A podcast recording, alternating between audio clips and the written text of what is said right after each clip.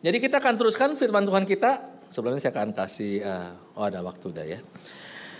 Dengan uh, Wisdom of Living dari Yakobus, uh, buku Yakobus. Nah, buku Yakobus ini adalah sangat praktis praktis sekali ya. Dia kita baca begini tentang hal-hal yang praktis dalam kehidupan Kristen kita. Jadi mungkin nggak terlalu banyak masalah teologi, walaupun nggak bilang ini simple dan nggak bilang ini mudah, tapi ini hal yang praktis yang kita bisa praktekin ya kan.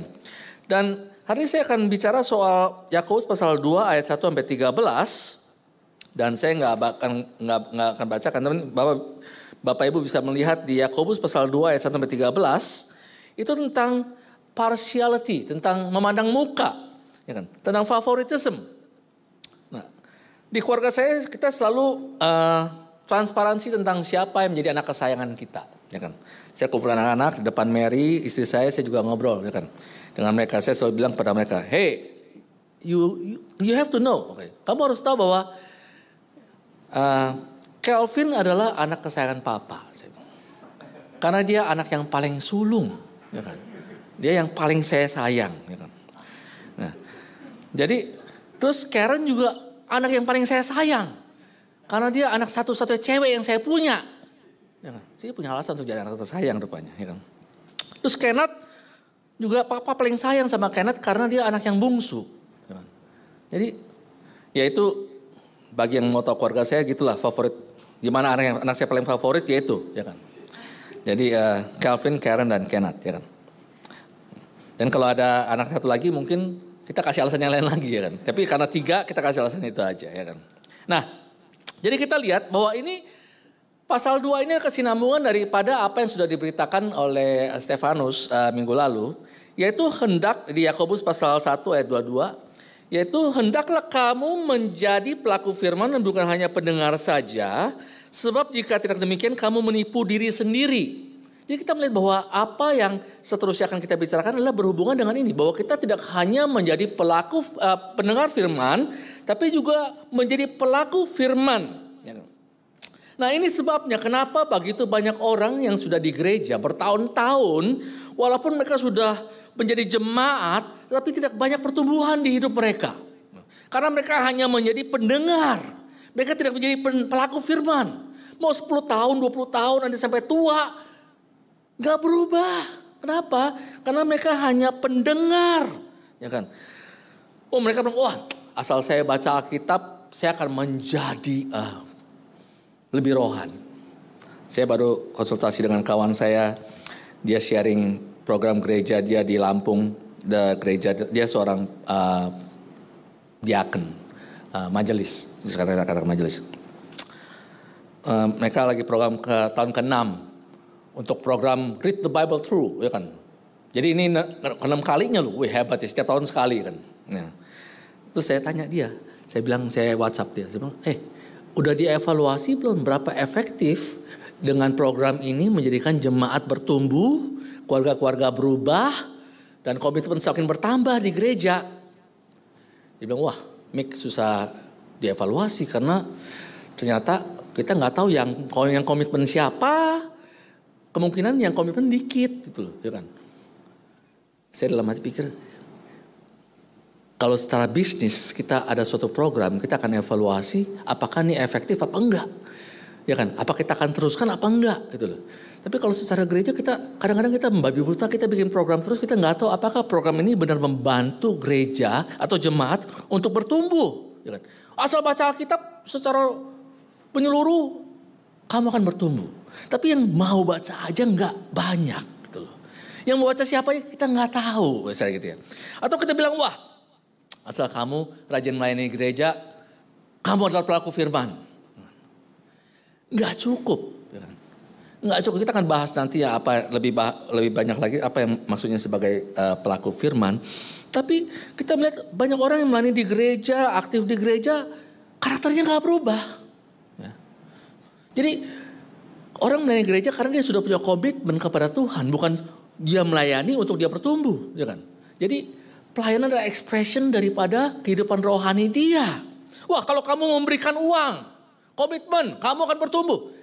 Enggak juga. Banyak orang kasih komitmen kasih duit kasih duit tapi sifatnya nggak bertumbuh. Nggak bilang semua kasih duit itu nggak bertumbuh nggak. Sebenarnya banyak yang begitu ya. Karena kita kita lihat bahwa ternyata lebih daripada itu. Menjadi pelaku firman bukan hanya pendengar itu lebih daripada hanya melayani, hanya kasih uh, persembahan dan it's more than that ya. Nah, di pasal 2 kesinambungan daripada apa yang uh, menjadi pelaku firman, Yakobus berkata demikian. Saudara-saudaraku, sebagai orang yang beriman kepada Yesus Kristus, Tuhan kita. Jadi ini ditujukan kepada orang-orang yang uh, beriman, bukan kepada bukan dunia ini ya kan. Janganlah iman itu kamu amalkan dengan memandang muka. Bahasa Indonesia favoritisme atau partiality ialah memandang muka. Saya suka juga uh, terjemahan itu. Memandang muka itu kayak kita memandang yang di luarnya ya kan. Jadi bagi kita yang sudah punya iman kepada Kristus, janganlah kamu amalkan, kamu praktekkan iman itu dengan memandang apa yang di luar, ya kan? Nah, jadi kita mau lihat ternyata di gereja pada zaman Yakobus mungkin pada satu dia menulis kepada gereja-gereja di 12, di 12 provinsi ya kan. Itu ternyata mungkin banyak kejadian uh, ada partiality atau pemandang pemandang muka di jemaat. Ada orang kaya datang, mereka treatmentnya dengan begitu beda. Kita melihat di ayat 2 dan seterusnya itu tentang orang kaya dan orang miskin. Kalau orang kaya dikasih tempat yang terhormat, orang miskin dikasih tempat yang jelek misalnya gitu. Jadi dikasih yang, wah ini kenapa? Karena dia kaya, karena dia miskin ya kan. Jadi kita memandang muka, kita melihat outer experience. Jadi banyak, itu hanya satu, satu contoh, bukan berarti bahwa ini satu-satunya contoh kita memandang muka itu ya tentang kaya dan miskin, ya kan. Itu salah satu contoh. Kita bisa melihat contoh yang lain, misalnya race, ya kan. Hari ini sangat sangat ini sekali tentang race kita akan bahas uh, lebih dalam lagi di sana tentang skin color, warna kulit kita, warna hitam, kuning atau putih atau biru atau hijau ya kan. Apa pun ya. Ada yang beautiful atau ugly ya kan. Orang masuk yang beautiful kita treatmentnya beda dengan yang ugly misalnya ya kan. Atau dia status, wah dia dia seorang dokter, wah kita treatmentnya beda kalau dia dokter. Kalau dia seorang uh, supir truk kayak saya misalnya, oh beda lagi ya kan. Ya, ya. Atau dia skill, wah dia IT-nya hebat misalnya, punya kemampuan luar biasa, beda lagi. Atau dia famous, wah dia orang famous nih misalnya, terkenal di mana-mana, wah treatmentnya langsung beda ya kan. Nah kita harus tanyakan, apakah ini terjadi sebenarnya pada hari ini? Ini ini ini pada saat ini Yakobus bicara pada saat itu ya kan. Terjadi nggak pada hari ini apa yang Yakobus katakan? Nah, tahun lalu saya saya ini uh, waktu saya ingat waktu SMA dulu di saya di SMA lagi. Waktu kuliah saya sekolah di Amerika saya itu uh, suka nonton sport. Bukan main sport saya suka nonton sport. Karena nonton sport lebih gampang daripada main sport rupanya. Ya. Jadi sekarang kalau kita nonton tahun lalu terutama kita nonton kalau NBA itu di lapangannya itu sudah ada namanya BLM tulisannya. Black Lives Matter ya kan? Suatu movement yang mulainya dari Amerika karena orang hitam sana merasa mereka ditindas ya kan. Nah, cuma kita harus tahu bahwa uh, Black Lives Matter itu sebenarnya orang-orang hitam yang yang yang bilang kita anti dengan rasis termasuk orang yang rasis sebenarnya. Karena saya pernah baca di tahun lalu tuh ada orang yang dia kerja di mana sebagai editor atau apa dia bilang dia dia dia dia tweet atau dia uh, di sosmed dia dia bilang all lives matter. Wih, ya kan. Bener juga ya. Langsung dia dipecat dari kerjaannya. Ya kan. Kenapa? Karena dia nggak mendukung Black Lives Matter. Dia bilang all lives. What's wrong with all lives? Ya kan? Waktu saya di Amerika, saya kesempatan punya seorang roommate.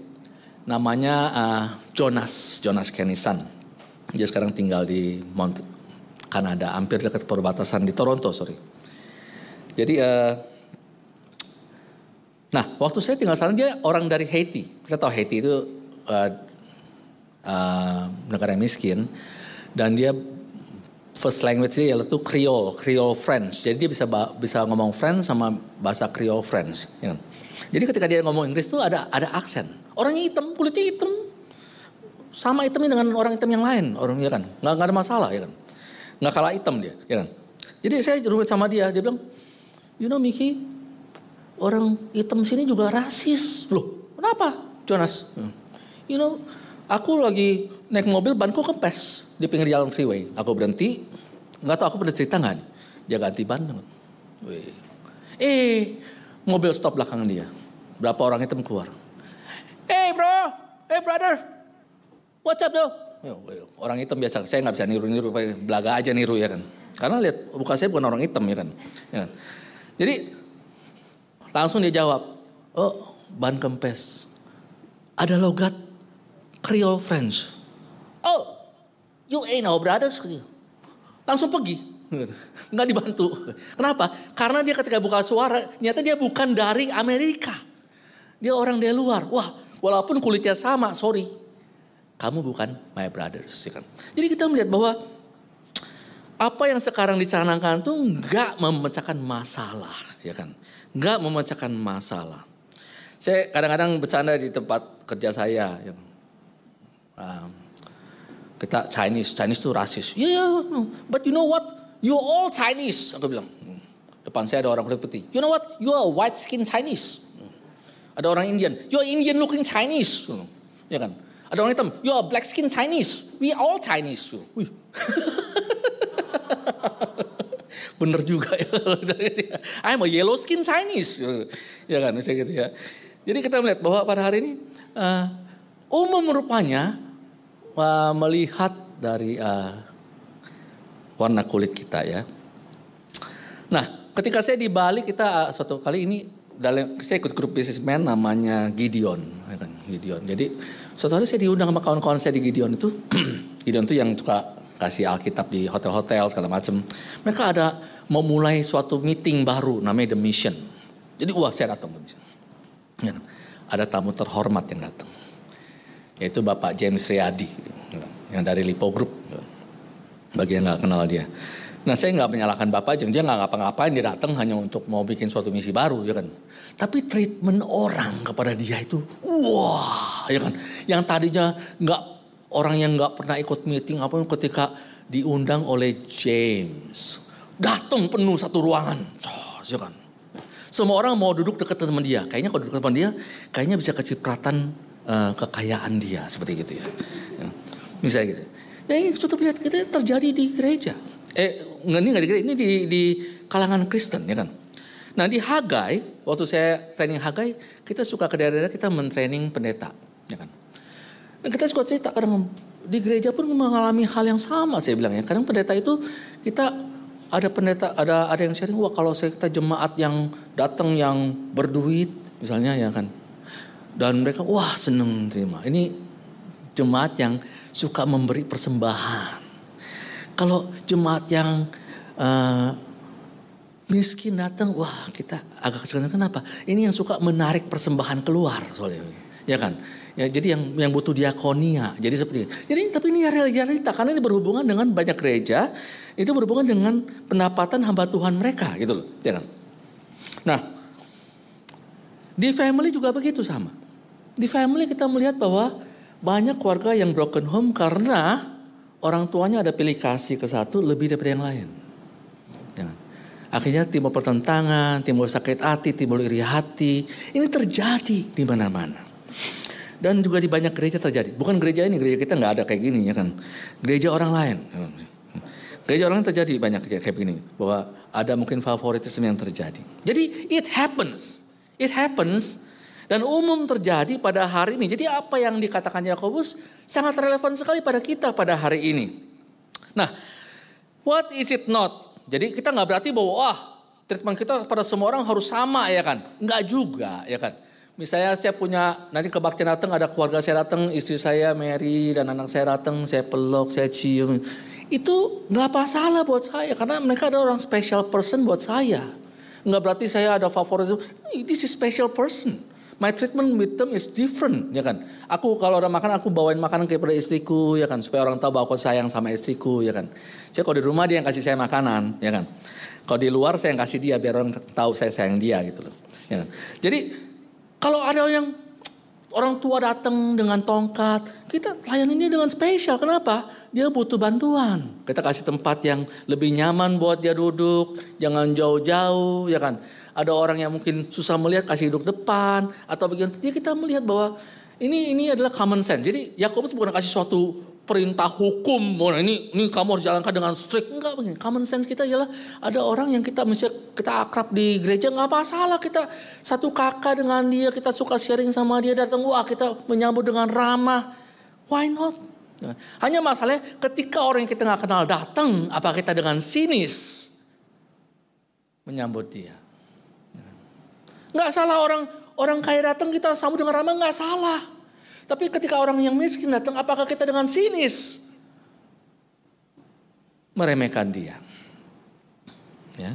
Nah ini yang harus kita tahu. Nah, nah kenapa ini bisa terjadi? Kita harus lihat. How does it happen?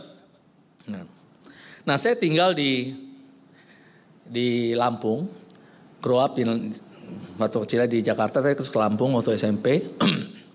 Dan di sana kita sebagai minoritas Chinese. Ya kan? Di Indonesia kita sebagai minoritas Chinese. Dan sebagai minoritas Chinese kita jelas ada uh, yang namanya racism. Harus kita akuin. Buat saya, terutama yang saya alami ya kan. Kadang saya suka jalan karena muka saya muka dibilang muka Chinese, saya dimintain duit. Saya, wih, Cina back duit nih katanya.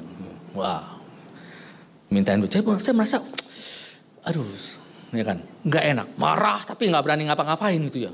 Mau marah tapi bukannya ya udah kasih ya kan? Tapi marah gitu ya. Jadi akibatnya kita hidup di culture yang mana kadang-kadang kita menimbul perbedaan dengan ya kan dan dalam keluarga-keluarga juga saya nggak tahu dengan keluarga yang lain tapi keluarga kita saya melihat ada kadang-kadang kita suka meremehkan orang pribumi misalnya ya kan? Ada kata-kata misalnya wah uh, dulu saya dengan bangganya bilang wah kata-kata ini wah ya kan nggak tahu kata-kata artinya wih dia itu anjing dan babi misalnya. Teman saya ngomongnya nggak ngerti dulu. Wah, gua ini gini, lu gitu ya kan misalnya. Anjing anjing dan babi. Atau udah kebiasaan sehari-hari orang kayak misalnya kita ngomong kayak itu ngomongnya, wih itu setan itu. Tapi bahasa bahasa kayak gitu, ya kan setan itu. Loh, ya kan. Tapi kita waktu biasa saja ya kan.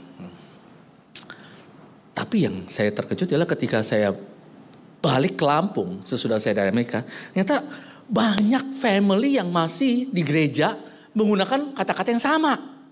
Walaupun mereka tahu artinya. Ya kan? Jadi kita melihat bahwa upbringing kita memberikan suatu ide bahwa hey, we are more than you. Oke? Okay? We are more than you. Ya kan? Jadi kita punya upbringing dengan begitu. Kita harus saya harus akui bahwa upbringing saya begitu. Ya kan? Dan kita harus melawan hal tersebut, menentang arus untuk menghancurkan ide-ide yang seperti itu. Ya. Dan kita juga belajar melihat dari dunia ini bahwa kita melihat orang itu dari profit atau non profit. Apa yang bisa membawa profit pada saya? Apakah persahabatan ini menguntungkan saya apa enggak? Atau enggak ada untungnya saya bersahabat dengan kamu?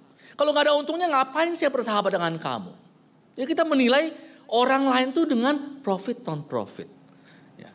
Jadi kalau dia ada ada untungnya, wah baru kita ini. Dan gereja bukan gereja sorry, dunia hari ini mengajarkan hal seperti itu. Berteman dengan orang-orang yang bisa membuat kamu menjadi lebih berhasil, misalnya. Ya. Dengan orang yang yang ini jangan ber, jangan bergaul dengan mereka yang yang menahan kamu, yang yang gak ada untungnya buat kamu, jangan bergaul. Itu waste of time. Nah kita harus apakah ini yang Alkitab ajarkan sama kita? Jangan. Emang Alkitab mengajarkan hati-hati kita bergaul. Waktu kita ngajak anak jangan sampai anak kita terbawa hancur oleh pergaulan dia. Ya kan? Tapi Alkitab mengajarkan supaya kita memandang rendah orang dan supaya nggak bergaul dengan orang-orang yang mungkin statusnya berbeda dengan mereka. Atau kita melihat orang kita belajar dari dunia ini kita menilai value Orang tuh ada value yang berbeda, ya kan? Jadi kita punya melihat orang yang misalnya dia punya skill yang luar biasa, wah ini valuable sekali di masyarakat. Dia dokter, wah ini valuable sekali. Kita mau respect sama dia. Hanya karena dia punya skill yang berbeda dengan kita. Ya kan? Dia punya skill yang jarang orang miliki. Wah kita respect sama dia. Kalau skillnya biasa-biasa saja, misalnya resepsionis atau apa, biasalah ya kan. Ya kan? Ada boleh nggak ada nggak apa-apa misalnya. Ya kan? Dan hari ini kita juga social opinion menentukan sekali gitu, ya kan? Apa yang orang bilang hebat, bagus. Kawan saya pernah bertanya sama saya, Uh, saya dulu aktif olahraga. Lu ngapain sih aktif olahraga? Oh gue mau ini, six pack. Supaya benar-benar kelihatan six packnya gitu kan. Terus kalau udah six pack ngapain? Gue mau jalan di di pantai, pakai celana renang, biar orang bisa lihat six pack gue. Nah, kayaknya kalau kita punya six pack jalan kita berbeda. Orang mandang kita juga berbeda. Wih, six pack lo, ya kan. Hari kalau kita melihat di di news, yang mereka lihat tuh, wih, ya kan. Buns, abs misalnya kan. Jadi kalau enggak six pack pantat misalnya kan. Kalau saya pantat, kalau ini ini ya kan. Atau otot tangan. Wih, kalau dia otot tangannya gede, wih, itu bicepnya gede amat tuh. Yang kelihatan orang bicepnya gede amat kan. Jadi kita melihat bahwa orang seperti ini, kita melihat kalau kita lihat di sosial media misalnya. Influencer tuh nggak ada yang kembrot misalnya kan. Jalan susah, I'm an influencer. Nggak ada yang mau nonton, ya kan? Yang biasanya yang seksi, yang gagah, yang ini. Kenapa? Wih orang, wih, kita bagaimana jadi seperti dia. Ya kan? Jadi kita melihat itu mempengaruhi kita, entertainment ini, bahwa apa yang uh, menjadi value di masyarakat. Ya. Jadi itu happen, happen pada hari ini. Ya kan? Nah, Why is it a problem? Nah kita harus tanya. Karena Yakobus pasal 2 ayat 8 berkata demikian. Akan tetapi, jikalau kamu menjalankan hukum utama yang tertulis dalam kitab suci, kasihilah sesama manusia seperti dirimu sendiri, kamu berbuat baik. Kasihilah sesama manusia seperti dirimu sendiri. Artinya apa? Kita harus treat others as we treat ourselves. Kalau kita mengasihi diri kita sendiri, kita harus mengasihi orang seperti kita mau respect kita sendiri. Kita mau memperhatikan diri kita bagaimana. Kita mau dihormati, kita harus menghormati orang lain, ya kan? Nah, kita harus lihat bahwa apa yang dikasih ini adalah hukum utama. Artinya apa? Kalau kita melihat di perjanjian lama dengan segala hukum, jangan membunuh, jangan berzina, jangan mencuri, jangan ini segala macam, jangan bersaksi itu semua berhubungan dengan kasihilah sesamamu manusia seperti dirimu sendiri. Kalau kita ringkasin semua hukum-hukum tersebut, itu kita bisa ringkasin jadi satu kalimat itu, itu kasihilah sesama manusia seperti dirimu sendiri. Artinya apa? Kalau kita bisa melakukan hukum utama ini, artinya kita sudah memenuhi segala hukum yang ada di hukum Taurat tersebut. Yang berhubungan dengan kita dengan orang yang lain. Ya. Jadi kita melihat bahwa apa pun yang kita uh, perbuat kepada orang lain, ini yang Yakobus ingin kita lakukan. Dan kalau ini kita lakukan, artinya nggak ada tempat bagi soal memandang muka di kehidupan kita. Jadi no place of favoritism in our life. Nah ini jadi problem bagi kita. Kenapa? Karena dunia mengajarkan kita satu hal, tapi kalau kita buka firman Tuhan, Firman Tuhan mengajarkan, hey, this is what Jesus wants you to do. Kalau di Yohanes 15, Yesus berkata, love one another, love one another as I have loved you. Kasihlah satu dengan yang lain seperti saya sudah mengasihi engkau. Yesus sudah kasih contoh bagaimana dia mengasihi kita dengan mati di kayu salib. Kita sudah nyanyikan lagunya, kita puji dia, kasih kita keselamatan. Dia mau kita melakukan hal yang sama kepada orang lain hal yang sama. Jadi problem karena kenapa? Kita di dunia kita diajarkan satu satu hal, tapi di firman Tuhan mengajarkan no. That is not what God wants you to do. God wants you to love each other as you love yourself. Jadi bertentangan pemandangan dunia dengan pandangan Alkitab. Nah jadi sekarang masalahnya ialah kalau kita tahu bertentangan kita anak Tuhan, bagaimana nih? How to change? How to change? Mungkin next slide kita bisa lihat. How to change? Just do it. Ya, yeah. hey, why not? Yeah, just do it. Ya kan? Do not show favoritism. Kan? Yes and no. Kenapa yes? Ya karena memang kita harus melakukannya, itu betul. untuk kita uh, ikut firman Tuhan, kita harus melakukan apa yang Tuhan katakan. Tapi no bagaimana? Karena nggak begitu simple. Ya kan? Karena Tuhan ketika mau kita melakukan sesuatu, Tuhan mau kita melakukan dari hati kita. Bukan cuma luarnya aja. Do not show favoritism misalnya. Kita, saya punya upbringing, memandang misalnya pandangan saya lah, eh hey, saya nggak nggak nggak suka sama orang yang kulitnya beda dengan saya, misalnya. ya kan?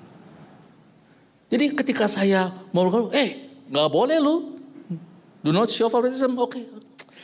Ya terpaksa lah saya bergaul, saya hi, you know. hello, ya kan.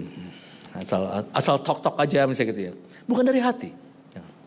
Jadi kita melihat bahwa dalam firman Tuhan, yang Tuhan mau ialah God wants us to change from the inside karakter kita yang mau diubahkan. Sehingga apa pun yang kita perbuat adalah keluar dari hati kita. Nah ini sangat penting sekali. Jadi kita boleh baca ini, wah simple ya solusinya ya. Asal do not do favoritism.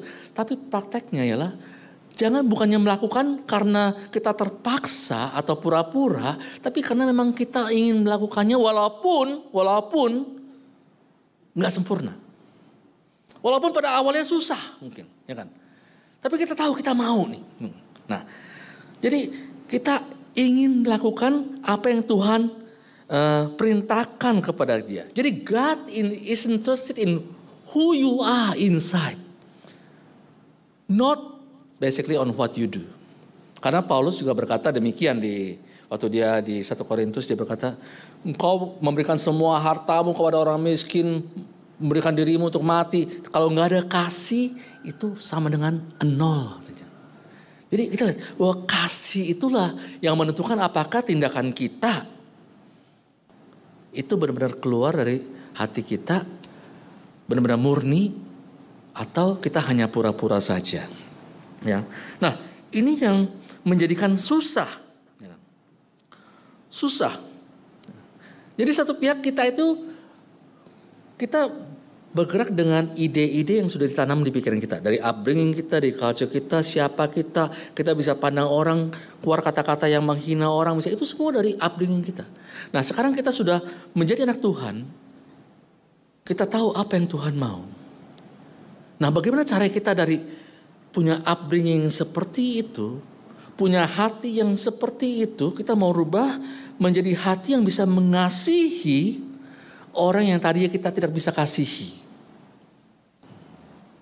Bagaimana kita bisa mengubah bahwa yang kita lakukan adalah benar-benar keluar dari hati kita yang ingin mengasihi dia. Walaupun mungkin nggak sempurna kasihnya, tapi kita ada keinginan mau. God, I want to do what you want me to do. I want to love others as I love myself. I want to love others as Christ has loved me.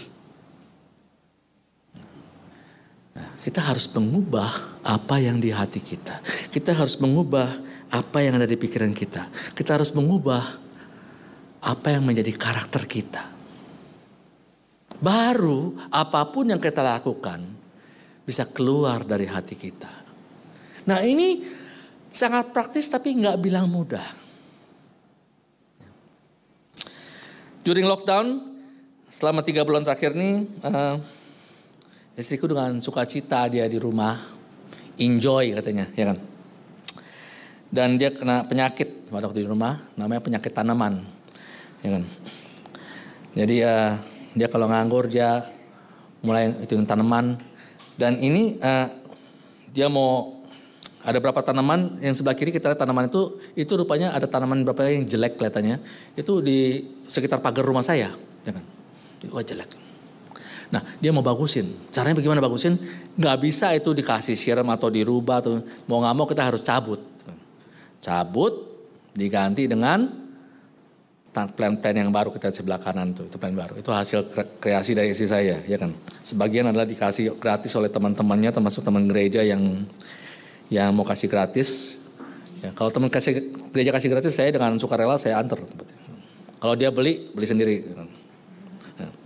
Jadi Artinya apa? Kita harus replacing the old me with the new me. Ide-ide yang ada di hati kita, di pikiran kita, kita harus rubah dengan firman Tuhan, kebenaran yang ada di Alkitab. Itu yang harus kita lakukan. Karena ini kadang-kadang sudah menjadi habit kita, menjadi karakter kita. Karena kita ngomong nggak nggak sadar, ya kan? Yang kita lakukan kadang nggak sadar bahwa sudah merendahkan orang lain. Ini yang kita harus rubah dengan firman Tuhan yang akan kita hidupi setiap hari. Ya. nah jika di sini ada ada orang yang saya sudah percaya sama Kristus, saya sudah selamat. Saya nggak nggak ingin berubah. Saya maunya seperti begini aja, misalnya, ya kan? Saya maunya seperti begini aja. Ya kalau emang kita maunya nggak berubah ya kamu nggak bakal berubah. Makanya jangan heran kalau banyak orang Kristen yang nggak berubah, ya kan? Dan mungkin apa yang saya khotbahkan di sini pun nggak ada gunanya bagi saudara untuk mendengarkan. Kenapa? Nggak ada hasil. Karena saudara nggak ada keinginan untuk berubah. Dan mungkin Tuhan pun akan respect dengan keputusan saudara. Bahwa, hey, you don't want to change? Oh, I let you be, you know. God is a respecter of person. Dia respect our free will. Ya kan? Jadi, you don't change? Oh. Ya kan? Dan kenyataannya banyak hari ini orang nggak mau berubah. Tapi bagi orang yang ingin berubah, bagi orang yang ingin berubah, Tuhan sudah kasih kita toolnya. Bagi orang yang ingin berubah, Tuhan akan bekerja di hati kita. Ya kan? Kita akan belajar bagaimana Tuhan mengubah kita. Ada saat-saatnya kita berjalan, kita baca firman Tuhan, dan Tuhan mengatakan, hey, this is your weakness. You did this. You need to change. Dan saya nggak oh, gitu ya. Saya sampai begitu. Jadi kita nggak bilang, pada hari ini kita mau berubah, hari itu kita wah langsung gitu. Enggak ya, ya kan? Jadi kita ini suatu journey with God. Kalau kita bilang life with God journey. Jadi kita mulai belajar berjalan dengan Tuhan setiap hari dirubah oleh Tuhan dan Tuhan akan mulai bekerja sedikit demi sedikit hal-hal yang dulunya kita hidupi yang kita nggak sadar itu salah Tuhan bekerja hey this is wrong you need to change that okay you need to take it out Change it with a new plan. Make it look beautiful now. More beautiful. More beautiful. Step by step. Jadi ada bagian-bagian hidup kita, semakin kita berjalan dengan Tuhan, kita akan semakin sensitif. Dan Tuhan tunjukkan, apakah lewat teman, apakah waktu kita dengar khotbah, atau waktu kita bagi baca Alkitab, waktu kita berjalan, kadang-kadang Tuhan bekerja dan kalau kita sensitif, hey, God is talking to me about this. It happens. Ya. It happens. Nah, kita harusnya ketika rupanya aku juga belajar mengenai plan ya. Ketika istriku dia mau tanam plan ini itu nggak ada akarnya. Batang dipotong, prak. Tanam gitu ya, prak, taruh gitu aja.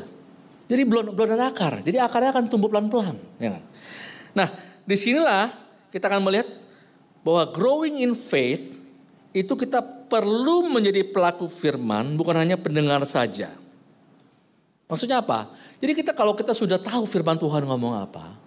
Nah ini waktu kita untuk melakukan. Kita juga punya intention. Saya ingin nih, saya ingin melakukannya. ya kan? Saya ingin, oke kita belajar. Walaupun pada awalnya kita mungkin lakukannya dengan nggak bagus. ya kan? Ada yang salah-salah, nggak apa-apa. We learn how to walk with God. Walk with Christ, step by step. Seperti kita belajar bawa mobil. Nggak bisa kita bawa mobil kita hanya baca buku manual, misalnya kan, oh bawa mobil itu begini ya rupanya ya. Hmm, kita hafalin semuanya cara prakteknya untuk belok kiri, belok kanan, tikung, mundur segala macem. Oke, gue udah hafal, gue udah pahami segala macem. Langsung naik mobil langsung, ceng, woi hebat ya kan. Semuanya udah otomatis. Enggak. Nah, kita sudah pahami dulu, kita sudah masuk learner test Waktu kita naik mobil kita baru mulai belajar. Oh, kita mesti lihat, ingetin kalau kalau kita stick shift kita mesti ingetin kalau nggak stick shift kita mesti tetap, wah oh, kasih sen, belok kiri bagaimana ini, jangan sampai kelewatan kirinya, kanan ini kan. Nah, kita belajar pelan-pelan, pelan-pelan, lama-lama kita terbiasa. Karena tubuh kita sudah mulai karakter itu mulai hidup di di tubuh kita. Hari ini bagi yang sudah biasa bawa mobil, nggak mikir batu belok itu, eh gue mesti tangan gue begini ya, uh, segini ya, gue mesti kasih sen, terus gue mesti belok kanan ya. nggak mikir lagi langsung otomatis. Kakinya sudah langsung gas remnya sudah otomatis. Kenapa? Kita sudah menghidupinya. Nah itu yang kita mau juga waktu kita bilang jangan menjadi hanya pelaku firman tapi menjadi pendengar.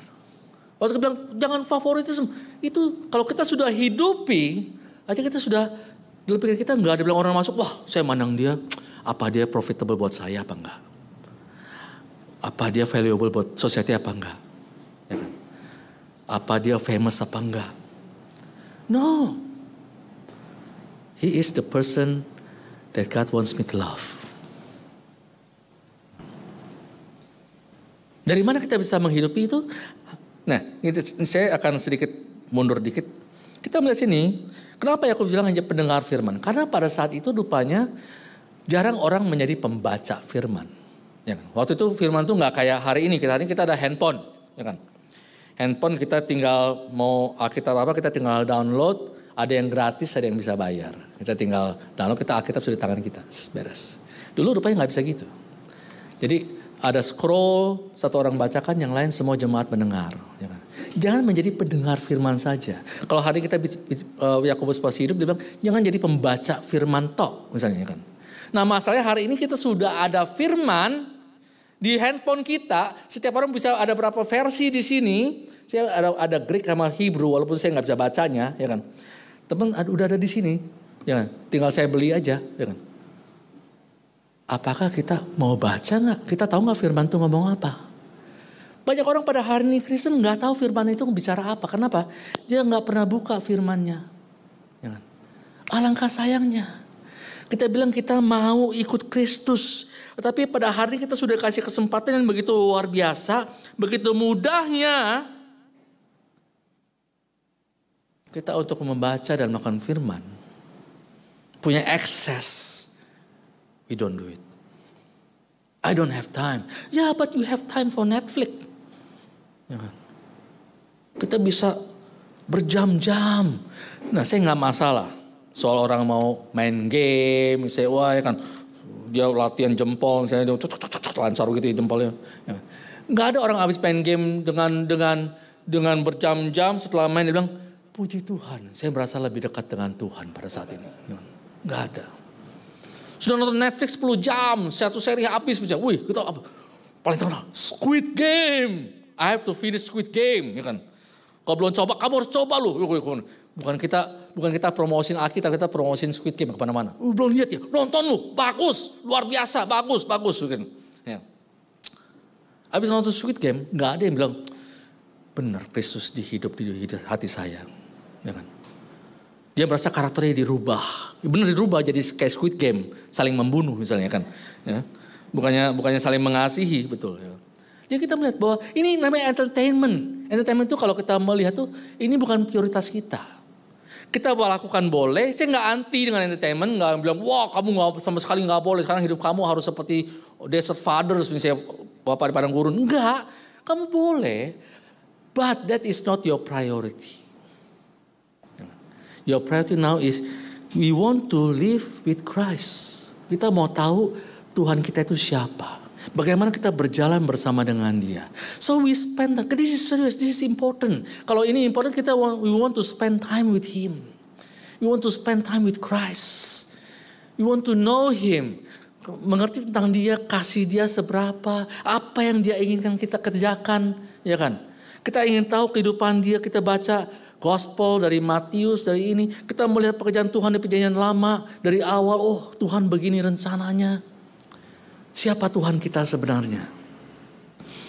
Banyak dari kita yang kita bilang, wah saya Kristen. Tapi kita nggak mementingkan Tuhan. Ya. Kenapa? Dari waktu yang kita habiskan. How much we spend time with Him? Ya. How much we spend time reading the Bible? Bagaimana kita mau berubah? Mau dirubahkan pikiran kita kalau time yang kita spend adalah wasting time. Wasting time. Ya kan? Itu time wasted. Saya juga hobi, terus terang saya hobi main game. Tapi terus terang ketika saya main game dan wasting time, saya selalu merasa ada guilty feeling. Kenapa saya habiskan berapa jam kurang tidur hanya untuk game. Dan apa yang saya dapat di game ini? Nah jadi kita terusan kita harus punya intention. Kalau kalau kalau saudara semua nggak punya intention, there's nothing we can do. Nothing other people can do. Nothing Musa can do. Nothing my preaching can do. Nothing. You have to have the intention to change. Kamu harus punya tujuan mau berubah. Saya mau berubah nih. Kalau saya mau berubah, saya butuh komitmen. Saya mau spend time. Saya mau luangkan waktu. Saya mau bikin komitmen. Saya waktu ini adalah untuk ini. Ya kan? Ini penting. Kayak kita aja. Kita mau punya healthy lifestyle. Oke. Okay. Cara bagaimana? Saya mau walking. Oke. Okay. You, you, you make time? No. Ya, yeah, you don't walk. Ya kan? Karena kamu hanya talk, talk, talk, talk, talk. Ya kan? Nggak ada waktu nantinya. Tapi kalau kamu benar-benar serius, oke, okay, I want to walk this. Every morning I'll wake up at 4, 4 o'clock, I'll walk misalnya. Dingin nggak apa-apa, hujan nggak apa-apa. Saya melihat kadang-kadang waktu saya pagi kerja, Senin, jam 6, jam 6. Eh, ada yang lari pagi. Waktu hujan, hebat. Komitmen. Komitmen. That's what we need. That's intention. Supaya apa? supaya kita bisa bilang pada endingnya bukannya Black Lives Matter tapi all lives matter. No more differences between you and me, between rich and poor, between beautiful and ugly. We are all the same. We are loved by God. We are all people of God. We are the family of God. That's what we want to say. Let's the worship song, uh, worship leader come and we're going to sing.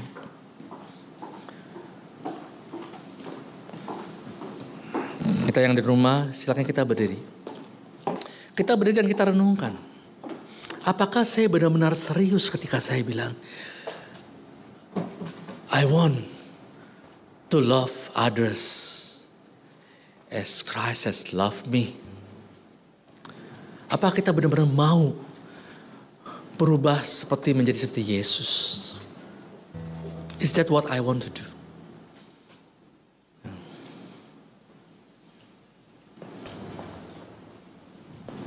Do I want to replace everything that's inside my mind with the truth of God? As the music play, let's uh, setiap dari kita kita berdoa di tempat masing-masing kita evaluasi hidup saya. Apakah saya lebih mementingkan apa yang nggak penting ini? Entertainment, medsos, segala macam. Dan melalaikan apa yang paling penting di hidup saya. Kebenaran dari Tuhan. Firman Tuhan yang ada di Alkitab.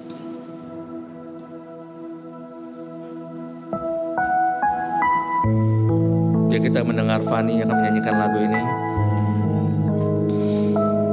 Kita tetap berdoa masing-masing berdoa sama Tuhan. Jika Roh Kudus bekerja di hati kita menegur kita pada saat ini. Mungkin saat ini kita bikin komitmen. Selama kita melihat bahwa saya gak ada intention yang benar. Why not?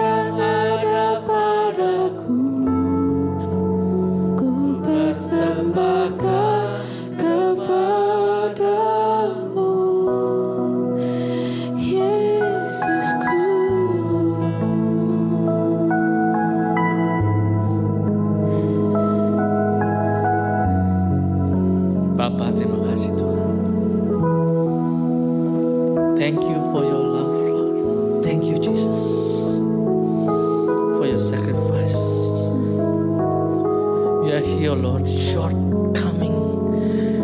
We don't love as you have loved us. We others without love.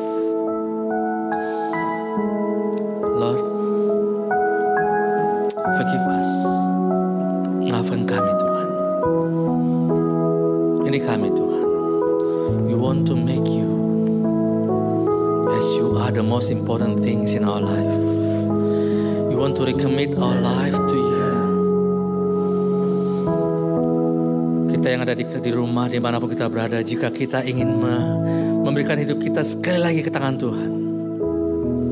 Kita taruh tangan kanan kita ke hati kita. Kita bilang, God, this is me, Lord. I want to give my life to you.